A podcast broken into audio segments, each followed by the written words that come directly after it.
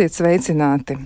Pirmās liecības par apsaldējumiem kā medicīnisku problēmu ir atklātas jau ļoti, ļoti sen. Tas ir eh, tādas liecības ir atrastas 5000 gadus senā mūmijā, kas atrasta kalnos Čīlē, bet eh, tāda plašāka un dziļāka izpratne par apsaldējumiem un arī, starp citu, par amputācijām sniedz kara medicīnas vēsturiskās liecības. Un Napoleona armijas galvenais ārsts barons Lerijs uzskatāms par pirmo, kurš apsaldējumu definējis kā traumu un piedāvājis arī risinājumu ārstēšanai. Šodien mēs runāsim gan par apsaldējumiem, gan arī par traumām. Mēģināsim apvienot šos te abus temats un droši vien tur parādīsies vēl kādi um, aspekti, kur būtu jāapspriež. Jo ziema ir ziema, ārā tiešām ir ļoti izaicinoši laikapstākļi, un iespējams arī, ka tie kļūs vēl kaut kādā nozīmē sliktāki, jo atkusnes kaut arī ļoti gaidīts, un brīžam tiešām šķiet, ka nu, tas ir tas, kas mums šobrīd ir vajadzīgs, nes līdzi sev ļoti daudz citas problēmas.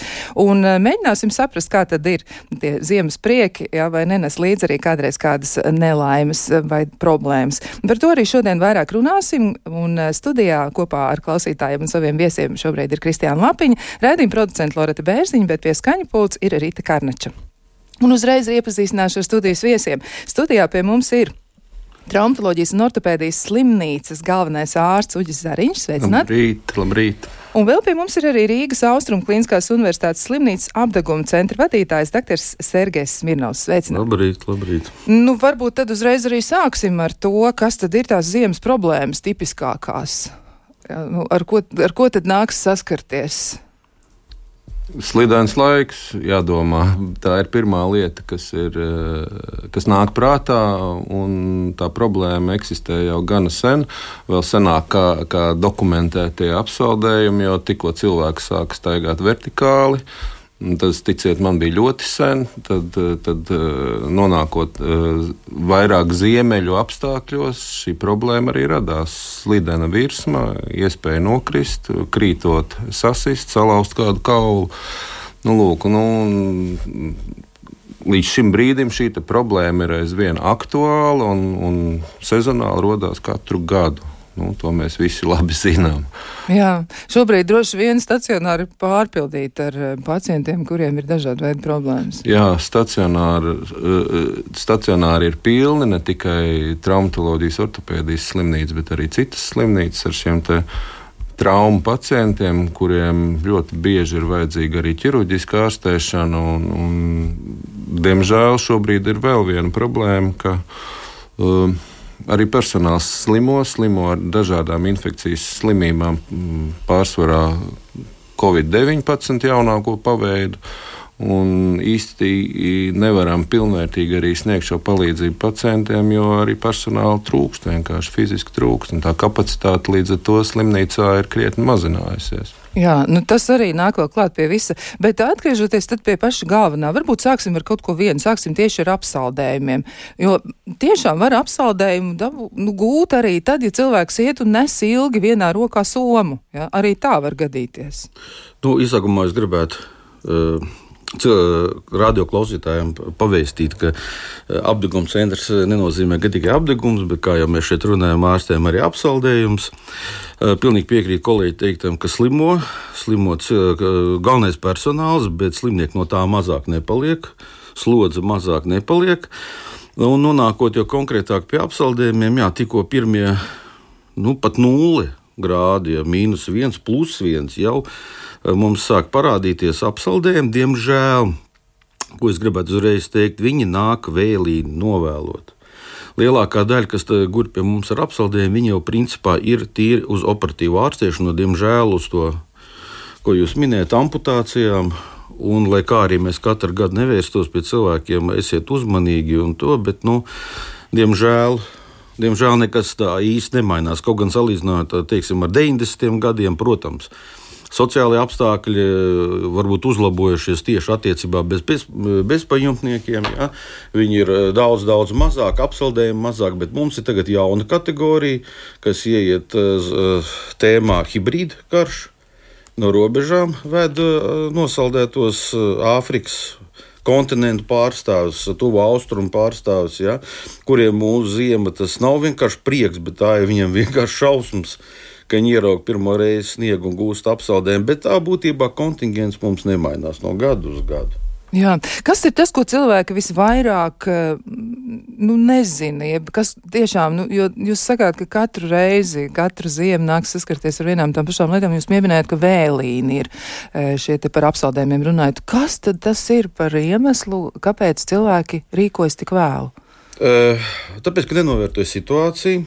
Sākumā pat pirmā diena bīstama to, ka cilvēkam sākumā it kā pasalst, un pēc tam it kā vairs nesalst. Ja? Bet viņš jau tas apsaldījums iegājis jau dziļākā fāzē. Ja? Parasti mēs sakām, priecājieties, ja jūs no ielas ienākat iekšā, jums tās adatiņas sāk durstīt pirkstos. Ja? Nu, tad tomēr šie nervu gali ir saglabājuši savu aktivitāti un nebeigsies ne, nu, tik bēdīgi tas stāsts. Uh, diemžēl vēlreiz jāatzīmē, ka ļoti daudz uh, apsaldējumu procentuāli aizņem alkohola reibumā gūtie. Tad cilvēks vispār nekontrolē sevi. Dažreiz otrā dienā pamostoties, viņš turpina savas svinības. Trešā dienā viņš var turpināt. Un tad, kad viņi ierauga, ka kaut kas ir mainījies praktiski reāli, trīs diennakts. Ja trīs diennakšu laikā cilvēks paspēja pēc palīdzības, tad bieži mēs varam uh, glābt šo ekstremitāti, kas ir nosaldēti. Vēl, vēlāk jau mēs gatavojam viņus tikai uz amputāciju. Tas ir viens no galvenajiem, ka e, nu, cilvēki neseko tam, kā, kā uh, ritas process. Jā. Nu, protams, kā jau atzīmē, alkohols ir ieņem daudz lielu vietu, kad ne, nekonstatē nu, pārgalvību. Nu, es uzskatu, ka mīnus 16 grādu ārā nenozīmē, ka bez cepures jāsteigā. Nu, uzvelciet to cepuru. Tas nav moderni jauniešiem, ir tīpaši, ja? bet tu cimdus uzvelciet. Nu, bet ir tādi, kas staigā, un pareizi jūs pie, piemērs ar somām. Jo daudz aizmirst, ka somas lencītes vienkārši nospiež pirkstus ekstremitātes, un apziņošana ir sliktāk. Tur, kur apziņošana ir sliktāk, protams, apsaldējums atnāks ātrāk. Tā arī apavi nepareizi apau. Jā, viņi ir moderni, viņi ir uh, fifīgi, varētu tā teikt, jā, bet viņi bieži vien tie šaurie puri nospiež to apasiņošanu. Nu, un, protams, uh, ko es arī akcentēju cilvēkiem, kuriem ir slimības, kas uh, saistīts ar to, ka apasiņošana ir sliktāka.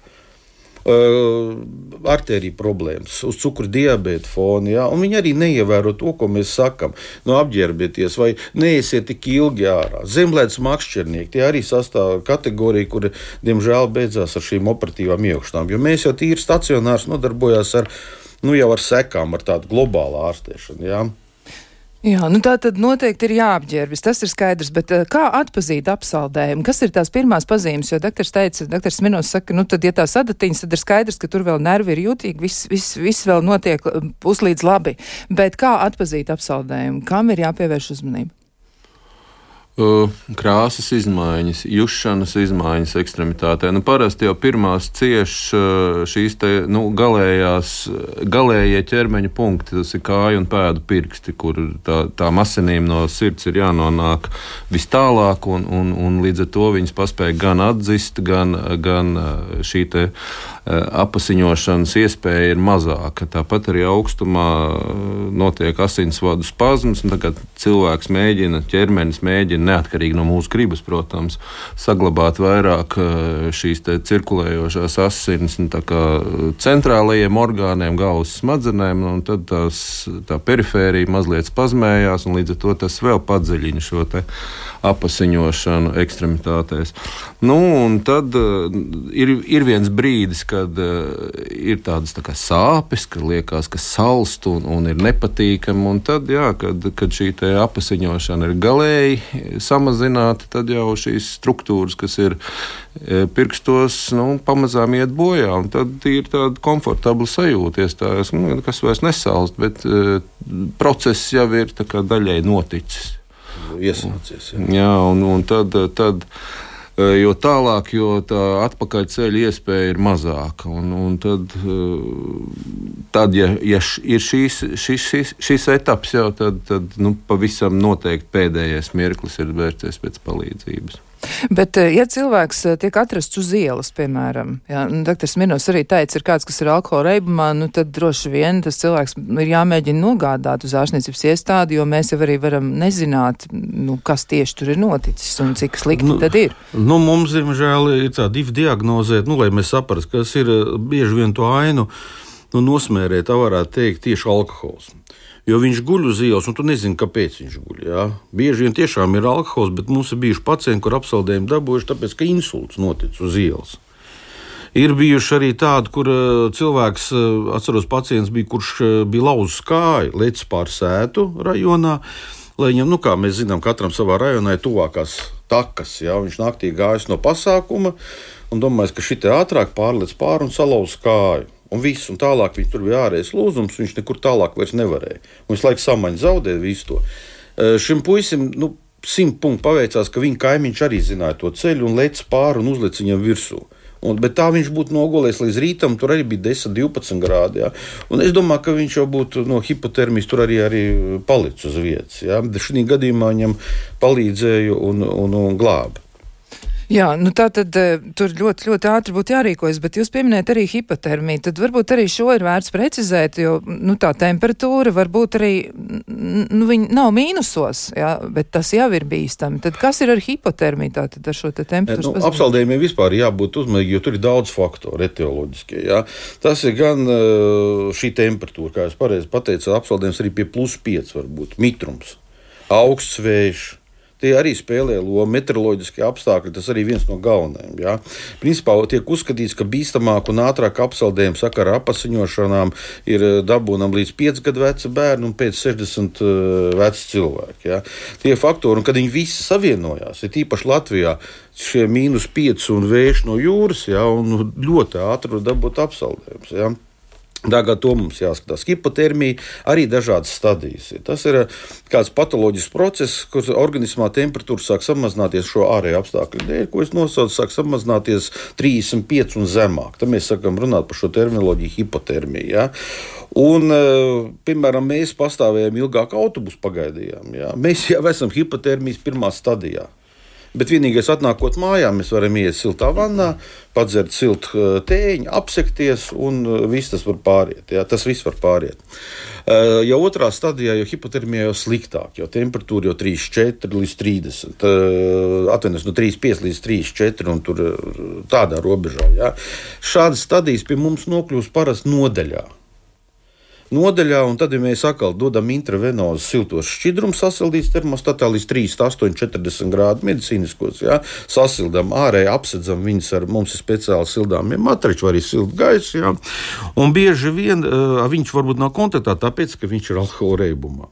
No rīta viņš pamostās, saprot, ka kaut kas nav tā, bet, ja nekāda lokāla problēma nav, mēs pat, pat varam viņu laist mājās. Un tā smagākā, ka ir 34, 30 grādi, nu tā ir intensīvā terapija. Un tur jau tā ārstēšana ir komplicēta, un, diemžēl, sakarā ar to, ka uz temperatūras samazinošos arī apasiņošanas sliktāku orgāniem mēs varam, diemžēl, arī beigties, eh, ne mēs, bet, nu, diemžēl, kā mēs necenstos, bet var arī beigties ar uh, beidīgām sekām šim pacientam. Ja? Tā kā hipotermija ir viena, bet mums bieži vien tas viss paralēli iet ar lokāliem apsaldījumiem, ko arī kolēģis minēja, kā to mehānismu. Jā.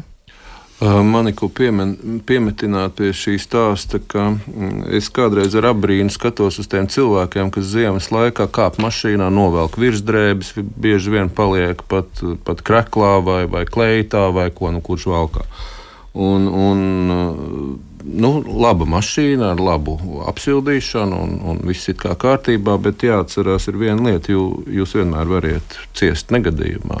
Un, ja tā mašīna ar, ar visu to labo apsildi e, ielido grāvī, aizmīca durvis ciet, kad nevar neviens jūs dabūt no šīs mašīnas ārā, vai varbūt pat nepamanīt, ka jūs tur esat un jūs esat mīnus grādos, eh, piemēram, teikraklā, tad eh, tas ir īstenībā minūšu jautājums, lai cilvēks nosaukt pat līdz nāvei. Ja? Un, ja tā palīdzība parādās pēc kaut kāda ilgāka laika, vēl, nu, kaut vai pusstunda, stunda, ar to jau ir pietiekoši, lai cilvēks ja ne tikai apsaldējums gūtu, bet arī aiziet bojā.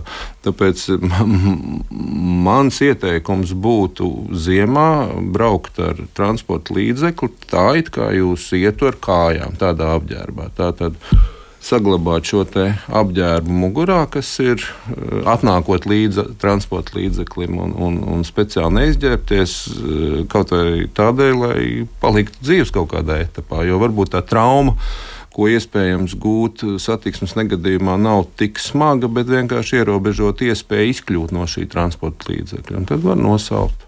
Jā, bet kādas ir tad sekas, eh, piemēram, hipotermijai? Jūs izskaidrojat, kas notiek tad, ja ir apsaldējums, ja mēs saprotam, kas tur notiek audos, bet eh, kas ir hipotermijas sekas, kāpēc tad eh, cilvēks reizēm zaudē dzīvību?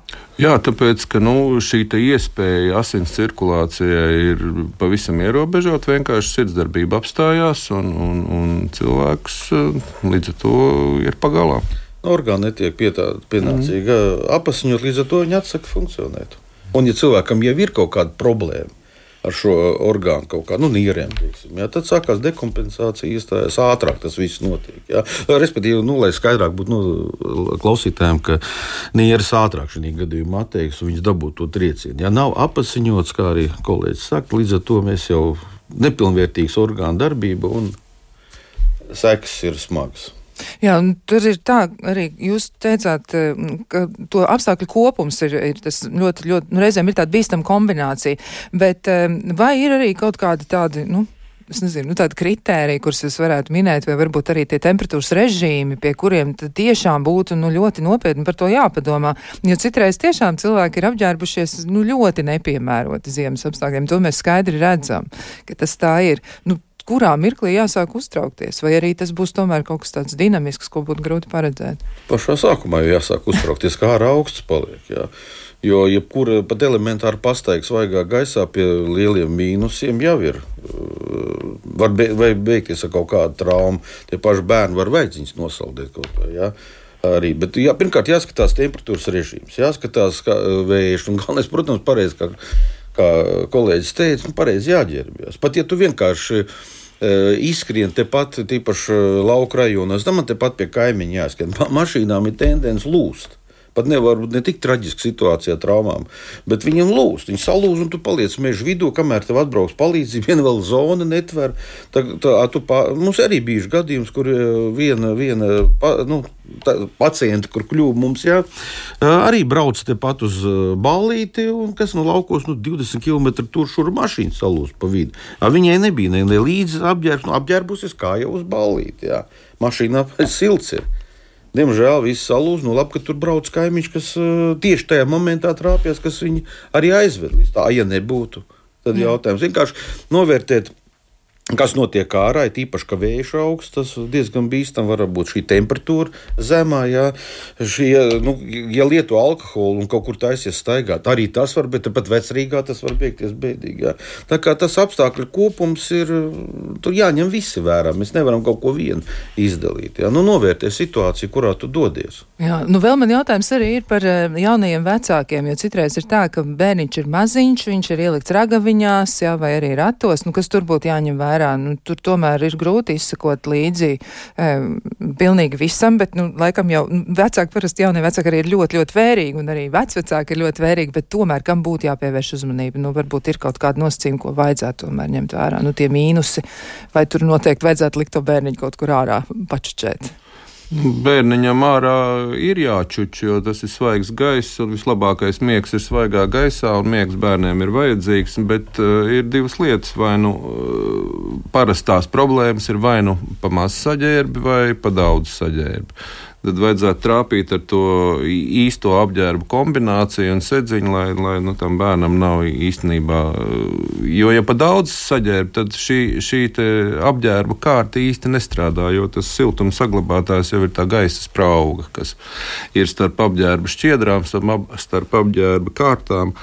Un, ja tas bērns ir iespiests tajā apģērbā un it kā ar vislabākajiem nodomiem, tas kādreiz strādā pretēji, ja, ka tas augstums drīzāk tiek labāk klāt. Nu, attiecīgi arī jāskatās, lai tur nebūtu plānās drēbītēs ilgstoši ārā atrastos, jo bērniem tā termoregulācija īstenībā visai laba ir. Un, un, šos apsaldējumus viņi tik viegli negūst kā pieaugušie. Bet nu, noteikti ir jāsako bērnu stāvoklim un vajag pačamdīt vaidziņus. Tas, man jau vairs nav atmiņā, kad bija kā, kad mani bērni auga, bet, bet tās metodas eksistē un, un, un, un tam ir vienkārši jāpasako. Jā, man arī ja nākamais jautājums saskan ar klausītāju jautājumu, ko abi dakteri saka par termoveļu. Vai tas varētu būt tāds risinājums termoveļas izmantošana mūsu klimatiskajos apstākļos, jo mēs tiešām nu, dzīvojam, kur dzīvojam. Nu, ziemeļu pusloda, ko lai dara? Es teiktu, ka tā termoveļa tie ir tādiem īpašiem apstākļiem vairāk domā. Tad, ja mēs tiešām dodamies kaut kur ilgstoši atrasties uh, ārā, nu, pazemā temperatūrā, piemēram, kāda sporta nodarbe, vai tā ir slēpošana vai uh, medniekiem tas varētu būt aktuāli, vai makšķerniekiem. Nu, respektīvi, ja ir mērķiecīgi jau tas, tas process ir tā nostādīts, ka būšu ilgi ārā mīnus grādos, jā, tad tā termoveļa pavisam noteikti ir noderīga. Nu, tā ejot uz darbu, varbūt un atpakaļ, varbūt es neteiktu, ka obligāti ir jāvelk termoveļa, ja vien tie nav kaut kādi mīnus 25, 30 grādi, kas arī šeit mēdz būt. Ja, tad, protams, visi līdz līdzekļi ir labi. Bet nu, obligāti tas tā, man, man, manuprāt, nav. Vienkārši atbilstoši saģērbties un, un lai nesaltu. Nu, katram ir sava pieredze, cik daudz šī apģērba ir jāuzvelk, lai nesaltu. Un, un galvenais - cimdus kārtīgi, cepuri galvā, šaule ap kaklu, un, un, un tad tas viss būs. Nu, vienīgais darbs nav saistīts ar celtnieku. Tur Būvniecība, kas tagad mums būvē ceļus, būvē ziemā. Mm -hmm. Arī viņš, es dažreiz skatos, viņš visu dienu tur 8 stundas pārņemās un viss. Tādā situācijā bija pilnīgi piekrītu. Jā. Tad, jā, tad, protams, šī termovēja. Pārējais, lai tev no oficiāla līdz oficiālam mājām aizskriet, nu es nedomāju, ka tas ir ka tas būtu būt, jā. Jā. nepieciešams. Jā, nu, jūs jau arī minējāt vienu no pazīmēm, kas liecina par to, ka ir um, apsaldējuma risks, vai arī, ka tas jau, ka process ir sācies, ja, un arī klausītāji lūdzu atzīmēt vēlreiz, ja, ja nosalus seja pirmā pazīme balta āda, ja, un lai mēs to noteikti atgādinām. Jā.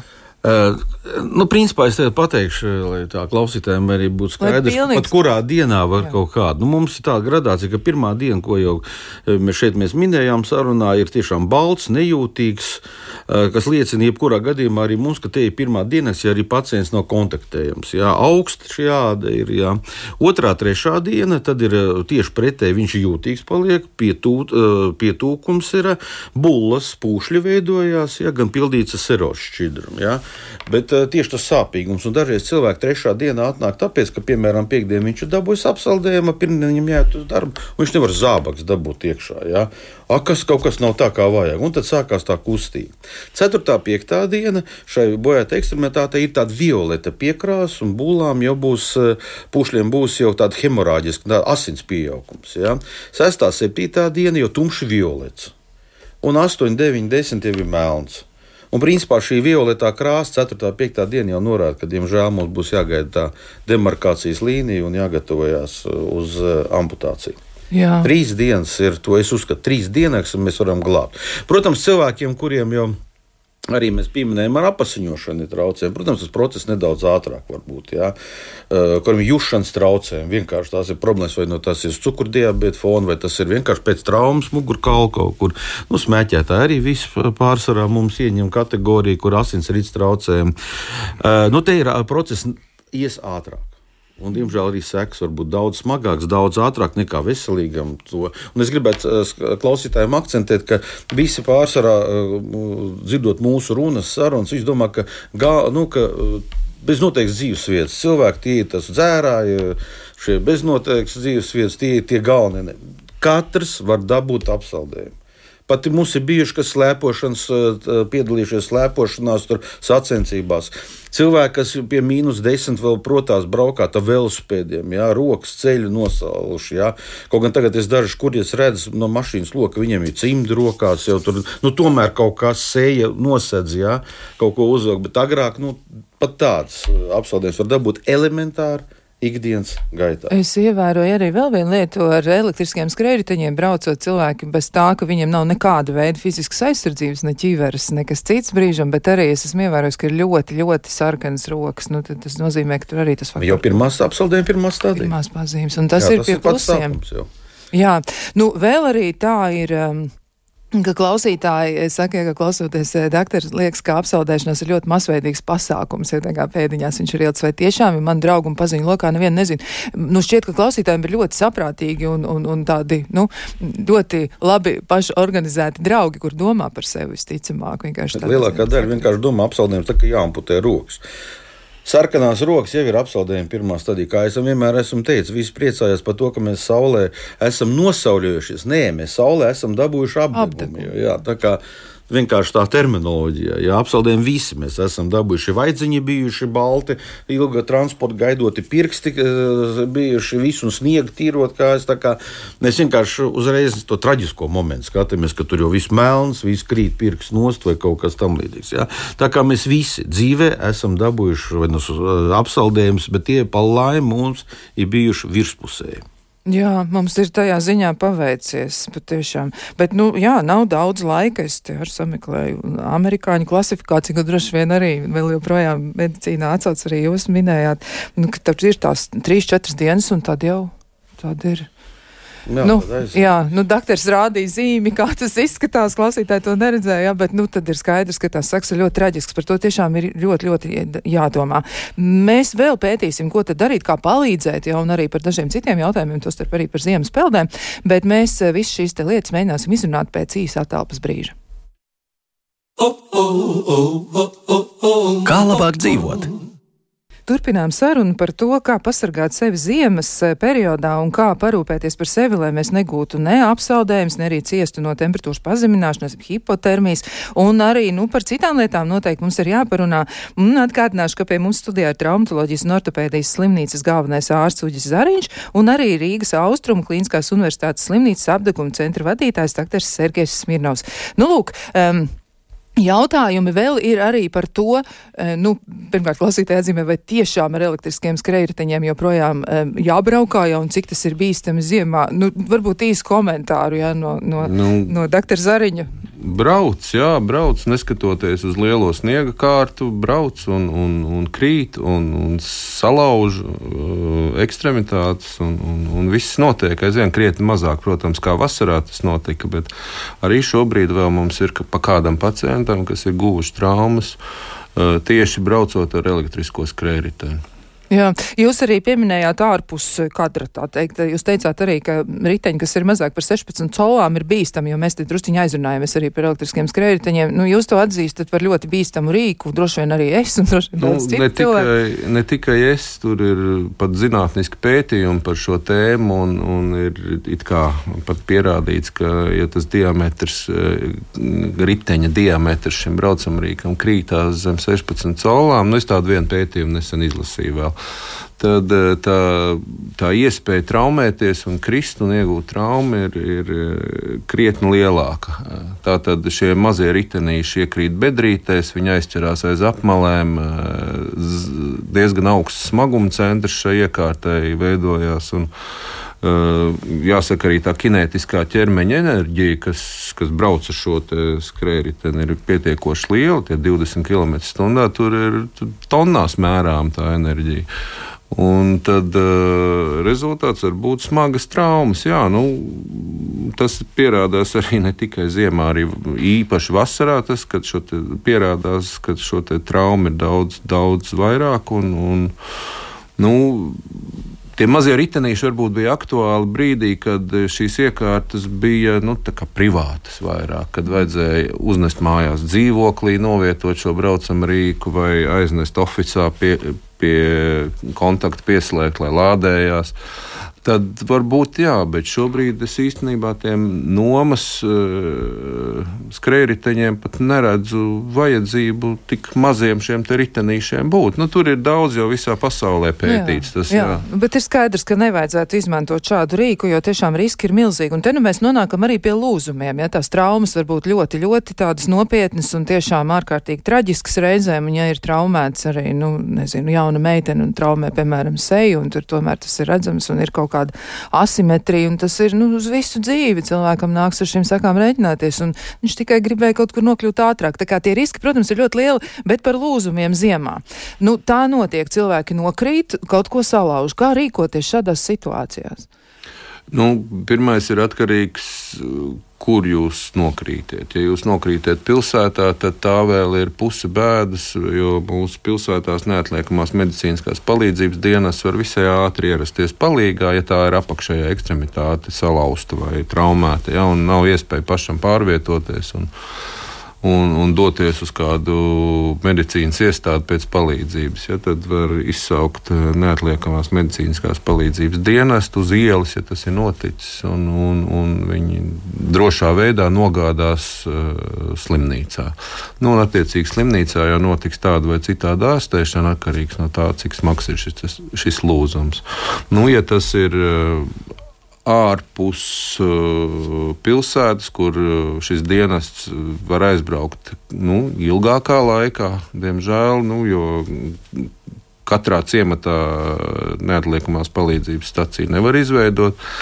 Tad uh, nu, jāmēģina pirmkārt, atgriežoties pie jau minētās tēmas, nodrošināt to, lai šī ekstremitāte nenosalst kaut, ja ir kāds līdzcilvēks blakus, kas var sniegt palīdzību, nodrošināt to, lai kaut vai cepurus pēdas vilkt virsū. Šalli, jā, šalli. Nu, visu, ko var izdarīt, jā, jā lai, lai sasniegtu. Jā, lai nav divas nelaimes vienlaicīgi, gan lūzums, gan. Nu, tad, ja ne citādi, tad mēģināt šo cilvēku nu, nogādāt kaut kur siltumā. Ja? Nu, un tad, attiecīgi, rīkoties tālāk. Nu, ja tiešām nav ne zonas, nu, viss, ir, viss ir slikti, ja, tad ir jāpielāgo kāda transporta imobilizācija ekstremitātei, ko var izveidot no, no pie rokas esošiem materiāliem, vai kādu dēli vai, vai, vai caurulīti vai kaut ko citu pielāgot. Jā, nu, citreiz taisnība zarus, jā, jā, var, var vienmēr atrast kaut kur un, un, un piesaistīt tā, lai šī salauztā ekstremitātes daļa eh, nekustētos. Nu, un tad ar savu transporta līdzekli droši vien līdz eh, vai nu tuvākajai neatliekamās medicīnas palīdzības stacijai vai slimnīcai mēģināt nogādāt. Nu, Tad, bet tie būtu droši vien visai ekstrēmi apstākļi, kas varētu šo kombināciju, ka, ka viņi varētu īstenoties, ja, ka nav ne zonas, ne, nekā nav. Ja, bet, bet, Pilsētās jau tas ir vienkāršāk. Jā, tā tad ir telefoni un var to palīdzību izsaukt. Mm -hmm. Nu, labi, e, tā tad tas noteikti jāapturprātā. Nu, vēl tāds jautājums arī e, viens no klausītājiem grib precizēt par pirmās stadijas apsaldējumu, vai to var kaut kā arī ārstēt. Un, nu, te ir arī tāda priekšvēsture, ja sievai rokas ir apsaldētas katru, e, nu, katru gadu, ko līdz nedaudz vēsāks rokas momentā paliek sarkanas un ļoti raupi jāda.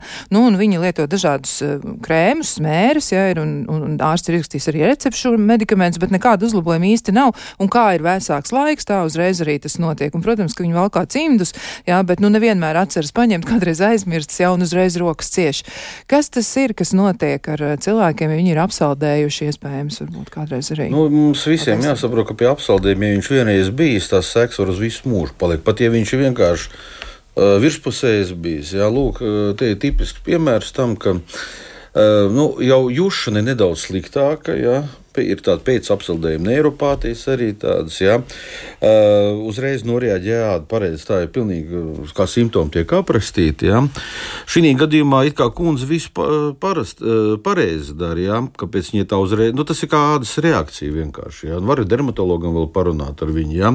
Bet ir asinsrīts uzlabojušie preparāti. Nu, kā saka, konkrēti es nesaukšu nevienu. Jā. Jā.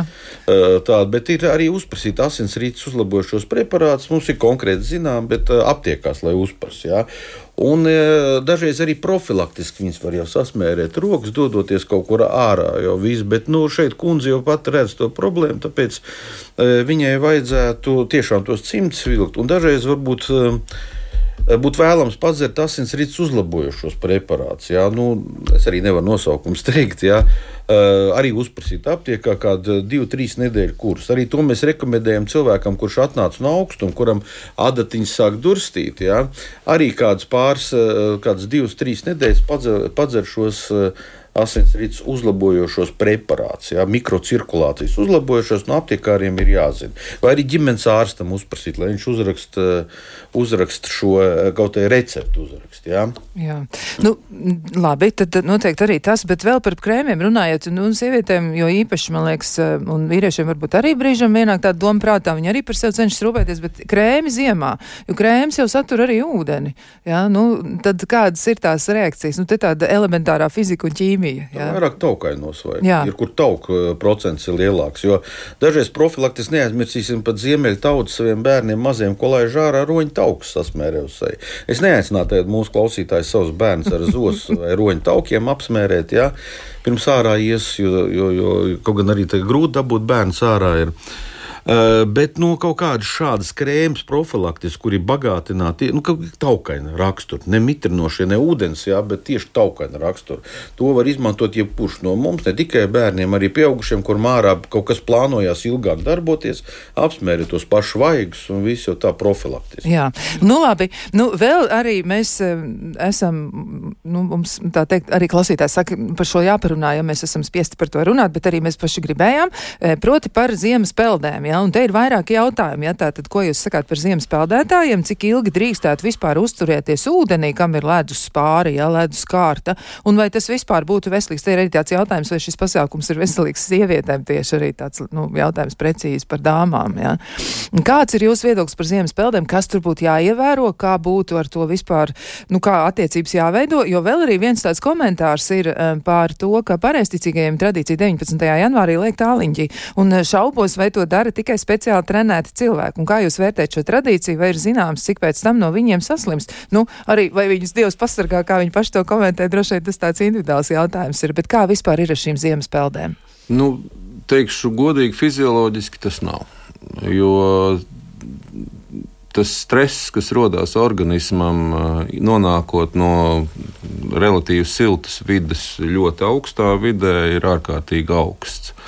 Tas ir stress atkal visai mikro, mikrocirkulācijai, perifērē, tas ir stress sirdī, tas ir tas ir ļoti liela problēma. Organismam radās tajā brīdī. Var jau spekulēt arī par to.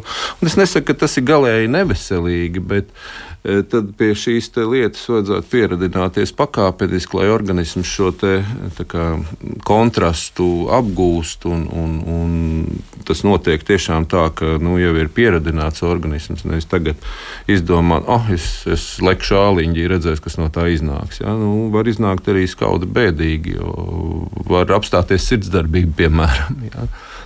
Tik, tik nevainīgi tas īstenībā nav. Parasti jau šos apsaldējumus tieši šajā aliņģī, jo tur ir tomēr šķidrā ūdenī vienmēr būs plusgrādi. Ja? Tur varbūt tieši pa aliņģī to negūst, bet uh, apsaldējums arī var gūt īstenībā tādā procesā, kas ir ap to aliņu. Tātad pēc peldes pastaigāšana pa ledu vējš, sniegs, nu, kaut kas tam līdzīgs. Ja?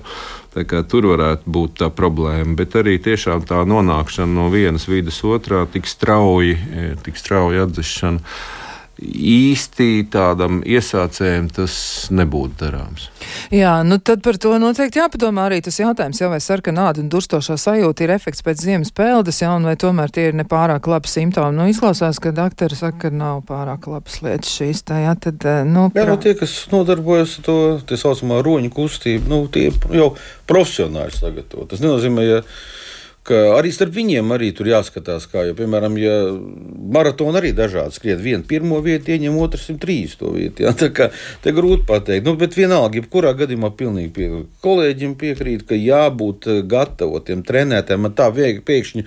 Oh, reku viņi lēkājas, tur arī ieliekšu iekšā. Ja, nu, tas galīgi garām ir. Tas var beigties, diemžēl, arī tur ir gan hipoksijas variants, gan var beigties ar samaņas zudumu tajā pašā ūdenī. Jūs vienkārši radīsiet saviem biedriem problēmu. Viņam būs jāvelk jūs no ūdeņa ārā, vai tur nedod Dievs vēl elpināt vajadzēs. Kā, tas ir stipri jāpadomā. To, kas notiek pēc uh, pareizticīgo tradīcijām, mēs jau nezinām. Varbūt plauškarsuns tur viņam ir, jā, viņš slimnīcā nokļūst jau, jau tādu, kur no āliņa būtu pie mums ar apsaldējumu atvest, nu tādu gluži, nu tā uzreiz tajā pašā dienā. Bet, var ar sekām pēc tam parādīties basām kājām, pa, ap to ledu, ap to āliņu skraidi, jā, un neko nepievērš. Tur ļoti, ļoti arī viņi gatavojās. Principā, ja mēs tā plašāk pavērojam, tur ir savas telpas, ir savas siltais, bet tā vienkārši lekt pa galvu, pa kaklu, tomēr ir. Un galvenais jau vispār tā lēkāšana, ja augstā ūdenī jāiet lēni.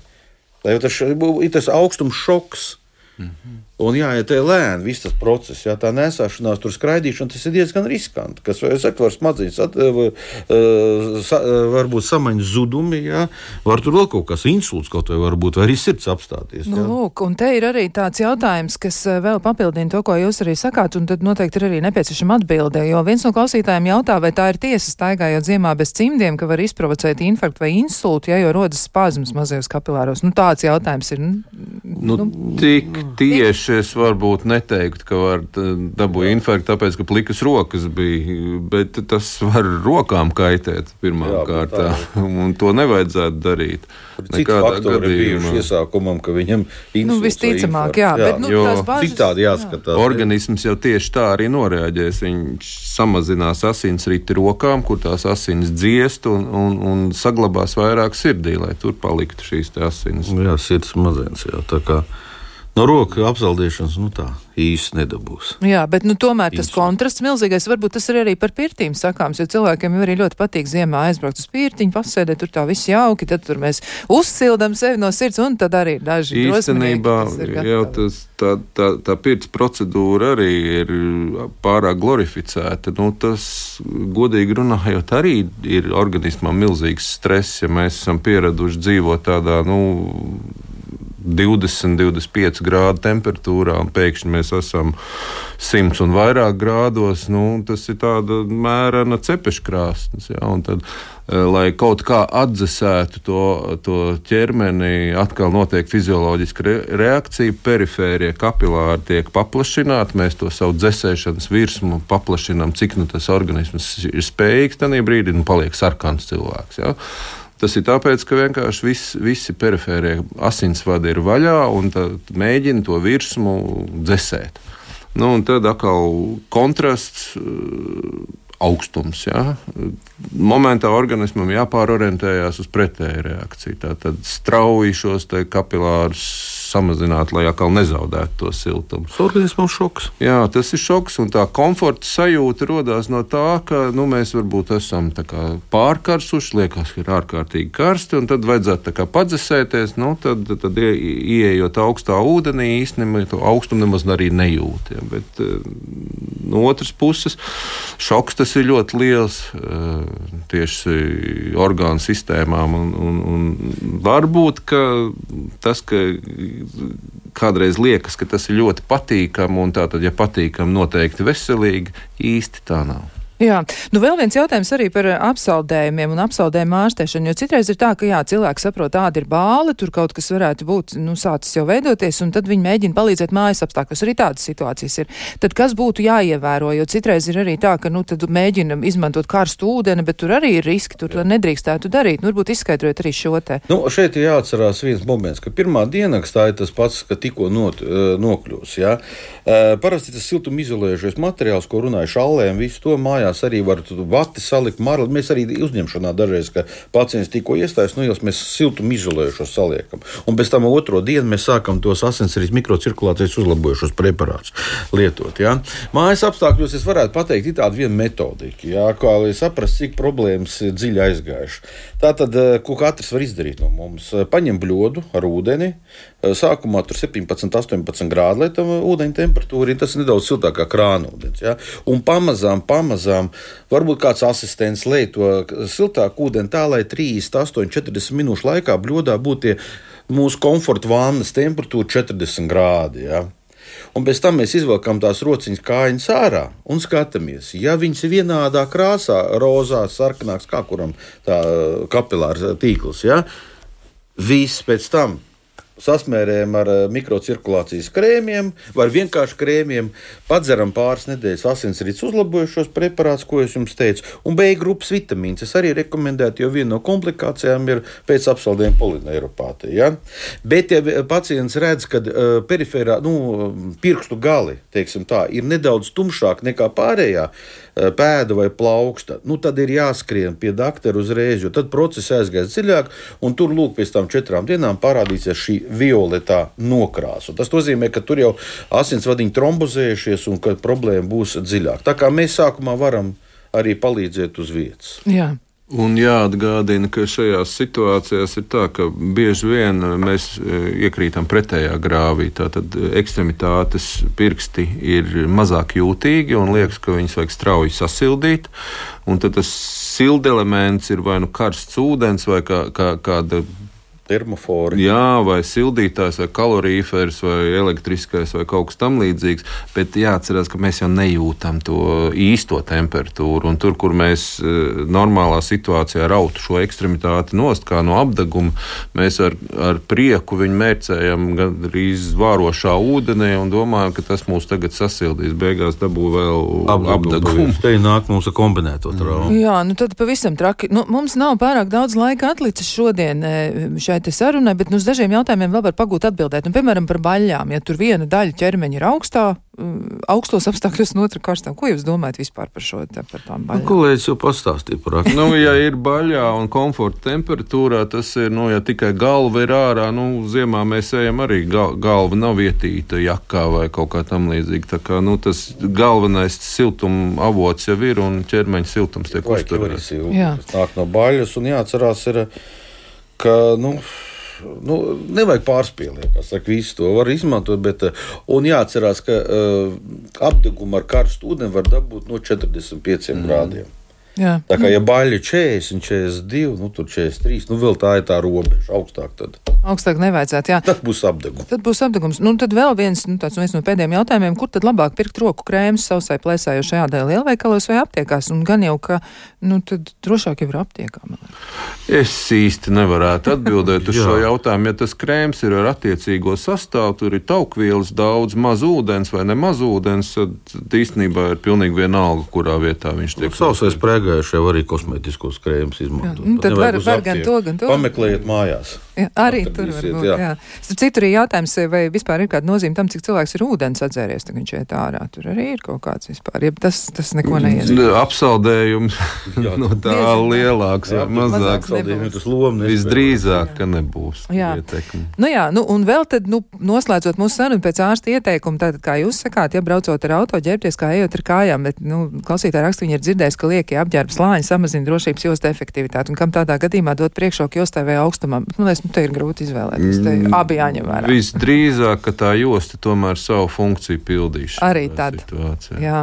Nu jā, un tad nu, mums eh, jābeidz ar to, ka nu, tāds komentārs no klausītājiem, vai arī man vajag lietot asinsrites uzlabojušos preparātus, jo vairāk kā pirms 50 gadiem braucot skolas gados no mūzikas skolas pārsēšanās autobusu ziemā vairāk kā 30 grādu sals un aizbrauca ātrāk pēc grafika, nebija siltās zeķu, biks bija kaprona zeķis un apsaldēja stilpus. Nu, tās kājas joprojām cieši. Nu, tad ļoti īsi. Derētu tādu preparātu? Grūti pateikt šī gadījumā. Nu, gadu atpakaļ, jā, tad tur... jau cilvēks ir nu, vecumā, kurā jau vajadzētu jau lietot asinsrites uzlabojušos. Un galvenais, vajadzētu aiziet pie ģimenes ārsta, lai asins apskatīties, kādam vajadzētu. Jā. Tā es domāju. Jā, jā lai konstatētu, kāpēc tas notiek. Jā. jā. Nu, labi. Lielas paldies abiem diviem studijas viesiem, gan traumatoloģijas un ortopēdijas slimnīcas galvenajam ārstam Uģim Zariņam, gan arī Rīgas Austrum Klīniskās universitātes eh, slimnīcas apdeguma centra vadītājiem Sergejam Smirnovam. Paldies arī klausītājiem, ka iesaistījāties. Mēs ceram, ka jums izdevās sevi sasildīt ar šiem padomiem, un arī jūs varēsiet nu, efektīvi rūpēties par sevi visu atlikušo augsto laiku un arī visas nākamās ziemas. Bet rīt, rīt jūs varēsiet parunāt ar, mm, ar manu kolēģi un arī ar ekspertiem par to, to, kā tad rīkosimies ar atkritumiem no 1. janvāra 2024. gadā. Tur ir citi noteikumi, būs jāsaprot, kas un kā. Bet eh, no savas puses teikšu jums, lai jums silta eh, iekšēji un arī visādi citādi silta, jauka un tiešām patīkama diena. Un eh, rūpējieties par sevi, tas ir pats galvenais, lai jums viss kārtībā. Atā!